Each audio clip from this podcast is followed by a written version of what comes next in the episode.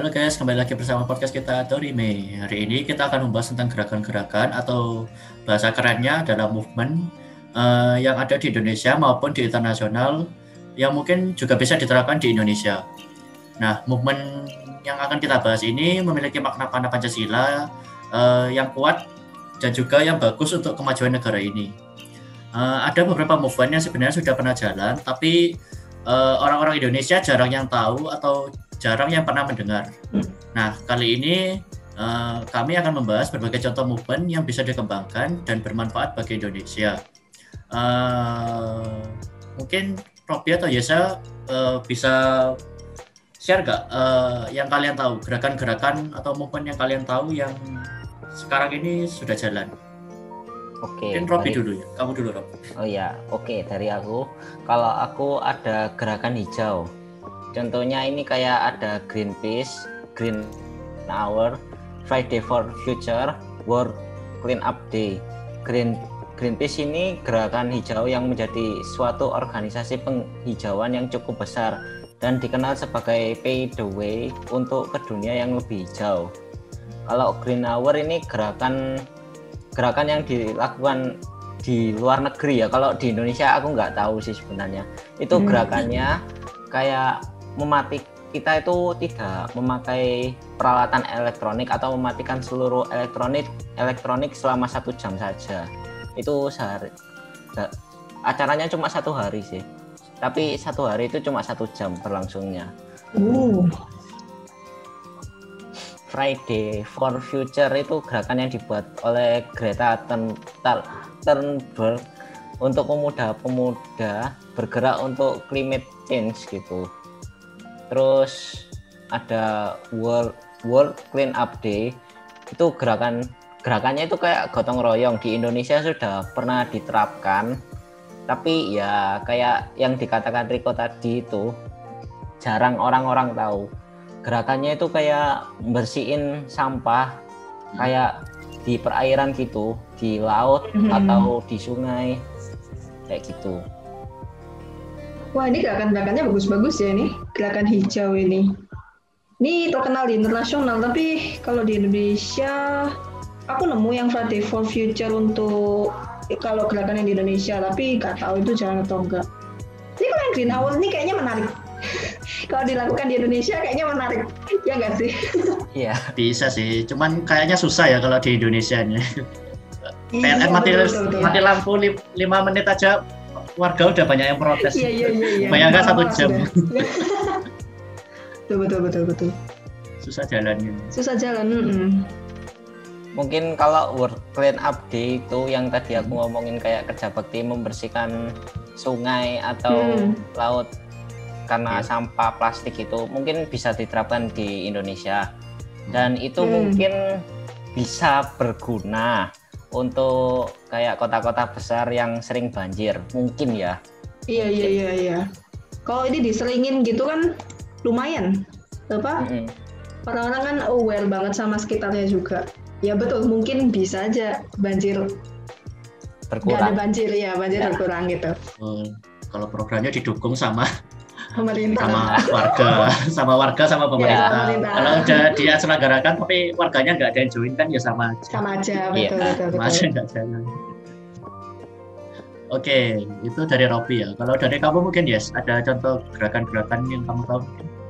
Ada ada. Kalau dari aku lebih kalau tadi Robi itu gerakan hijau, kalau aku sekarang gerakan dalam bidang sosial. Ada macam-macam sih ini aku mau nyebutin uh, disclaimer aja mungkin beberapa dari kalian tidak akan suka, tapi ini pendapatku. Kalau menurutku ini ini penting sih, kalau ini penting banget gerakan-gerakannya.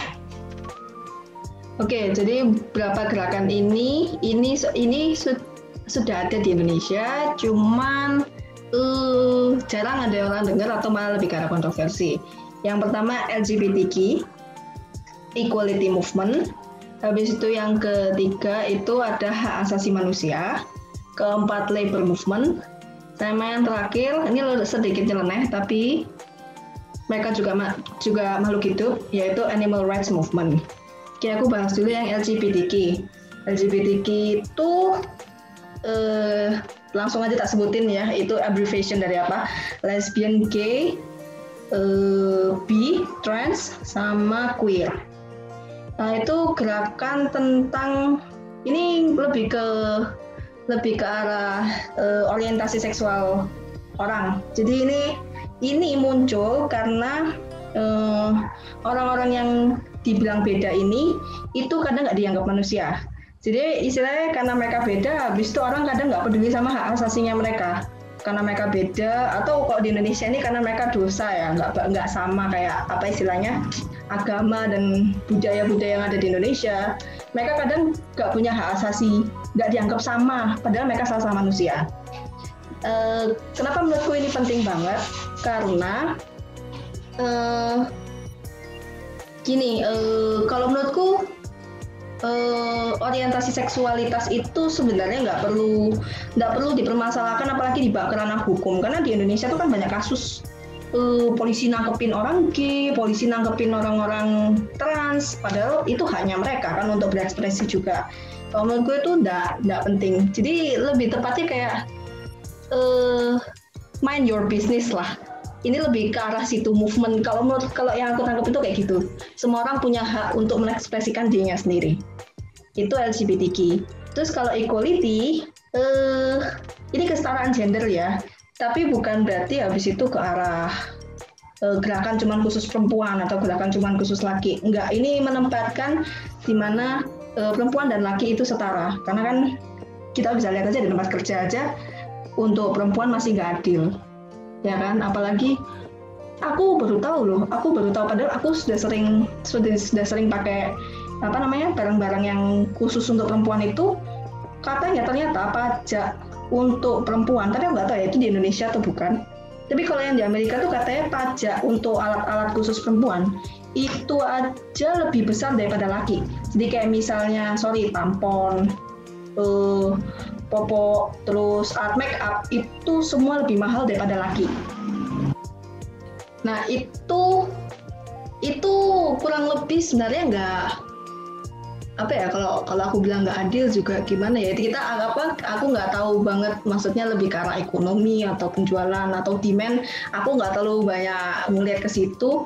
Tapi sekarang loh gaji perempuan aja di tempat kerja nggak bisa disamakan sama laki aku apa aku lihat itu or, uh, perempuan yang sudah menikah sama perempuan yang belum menikah aja ada stereotip di tempat kerja. Nah yang kayak gitu-gitu itu sebenarnya nggak penting sih. Harusnya perempuan dan laki itu setara. Jadi kalau menurutku equality movement ini penting. Itu menyambung ke hak asasi manusia. Uh, jadi LGBTQ sama equality ini harusnya nyambung sama hak asasi manusia juga. Sekarang kita lo lihat banyak kasus hak asasi manusia banyak toh kejahatan-kejahatan kayak episode kemarin aja kita bahas kan. Itu itu lo dibahas itu dijadikan film pun e, mau kayak apa pun orang juga nggak akan kadang nggak jalan nggak gubris jadi hak hak asasi manusia yang dijadikan movement ini e, human rights movement itu masih penting. Bisa nyambung juga ke labor movement. Labor movement labor pekerjaan pun buruh-buruh itu juga masuk ke hak asasi manusia berhubung ya. Ini kan mendekati apa kita apa mendekati hari buruh. Apa sih lewat ya? Satu Mei lah pokoknya satu ya, Mei. satu Mei ya satu Mei hari buruh. iya iya betul betul betul. Itu kan hari buruh. Nah itu bisa dihitung masuk labor movement lah ya. Ya. karena kan itu jadi perayaan juga kan setiap hari setiap satu Mei. Hmm. jadi kalau itu yang di ranah kemanusiaan benar sosial yang di kemanusiaan eh, singkatnya seperti itu. Nah, sekarang itu tuh yang berat-berat, yang berat-berat tadi itu penting sih, ya itu penting sih. Nah. Cuman sekarang kita yeah. ke apa? Geser dikit lah, geser dikit. Apa ke makhluk hidup yang lain. Mm-hmm. Animal right animal rights movement. Ini sebenarnya kalau kita bahas di Indonesia ya, kayak apa tuh yang topeng monyet? Iya, topeng monyet. Ya, betul, topeng monyet. Topeng monyet, topeng monyet. Itu kalau kita misalnya buat gerakan ini di Indonesia pun sebenarnya ada sih organisasi-organisasi organisasi kecil di Indonesia yang melindungi binatang hewan satwa, hewan liar itu juga banyak. Hewan-hewan yang hampir punah itu juga banyak. Tapi kalau misalnya kita gaungkan ini lebih kenceng, atau kita lihat aja yang kayak di YouTube, ya itu tadi topeng monyet. Kita bisa ngilangin pekerjaan orang di demo banyak orang kita. Iya. Ya, itu emang penting ya, itu penting sih itu. Itu penting cuman ya kasihan kan monyetnya itu. Sama beberapa kasus yang eh, ada di mana daerah daerah-daerah tertentu yang bunuh-bunuh anjing, sama domestic violence untuk binatang itu juga banyak. Sebenarnya itu lebih lebih ke arah eh, hak asasi binatang sekarang lebih tepatnya ke arah situ. Eh, kalau menurutku sih penting soalnya juga kita harus harus aware kalau binatang juga makhluk hidup yang lain dan mereka punya hak untuk hidup nyaman, aman dan tenang. Itu sih kalau dari aku. Panjang banget ya, panjang banget ya aku. Aku ngomong apa apa seru-seru kok topengnya dibahas seru Sip, sip, sip, sip. intinya kita mulai apa menunjuk menumbuhkan apa ya rasa care gitu ya pada Betul, betul, betul. Nggak pada sesama manusia tapi juga binatang Mm-mm. pada lingkungan lah Mm-mm, betul, betul. Iya, yang Robi tadi lingkungan. Oke, oh, lengkap kita ya. Hmm. Lingkungan, manusia, terus habis itu binatang. binatang Oke lanjut. Kalau tadi kan dari eh, gerakan sosial, aku ada tambahan terakhir itu ada beberapa contoh. Nanti disebutin Robi juga. Hmm. Yang ketiga itu gerakan dalam bidang kesehatan. Penting banget kan soalnya apalagi kan dalam keadaan COVID gini, ini pasti paling kenceng ini, paling kenceng ini. Oke, kalau dari aku contoh contohnya cuma satu yaitu gerakan pakai masker atau GPM. Di ini rame banget ini, ini rame banget karena ada yang nggak mau pakai masker, ada yang mau pakai masker.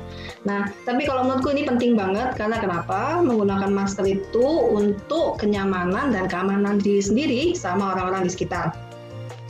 Ya kan, kalau misalnya kamu nggak pakai masker keluar pun aku orang di sekitar pasti juga parno. Aku aja parno sih, ada orang yang nggak pakai masker sekarang itu penting sih. Tapi ya kalau itu nanti misalnya pandemi sudah selesai pun orang masih bisa pakai masker nggak masalah Mm-mm. gitu.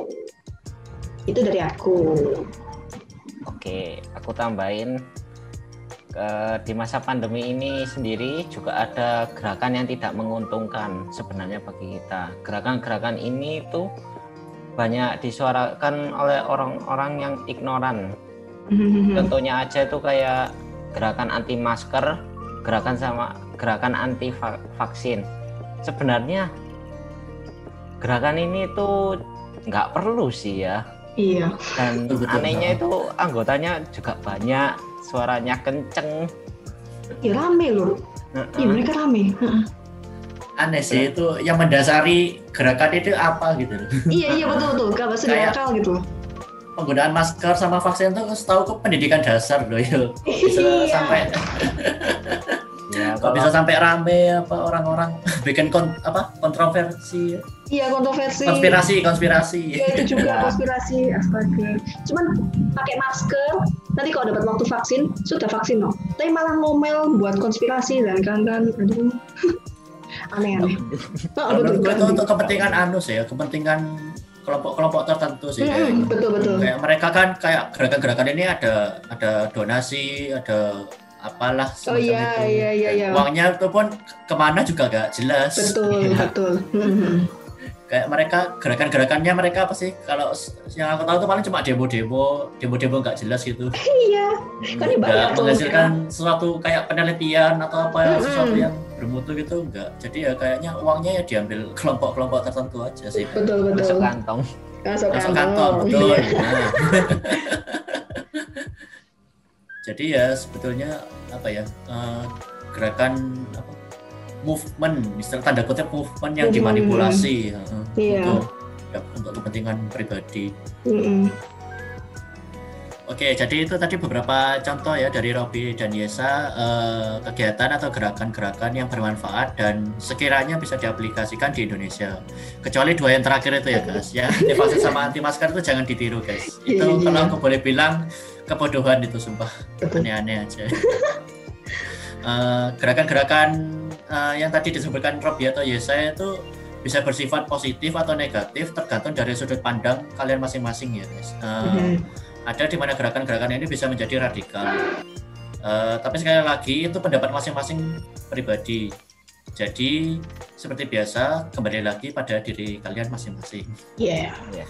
Oke, okay, kalau gitu podcast kita sampai di sini dulu aja. Mhm. Uh, mohon maaf apabila mungkin ada kata-kata atau pendapat yang menyinggung.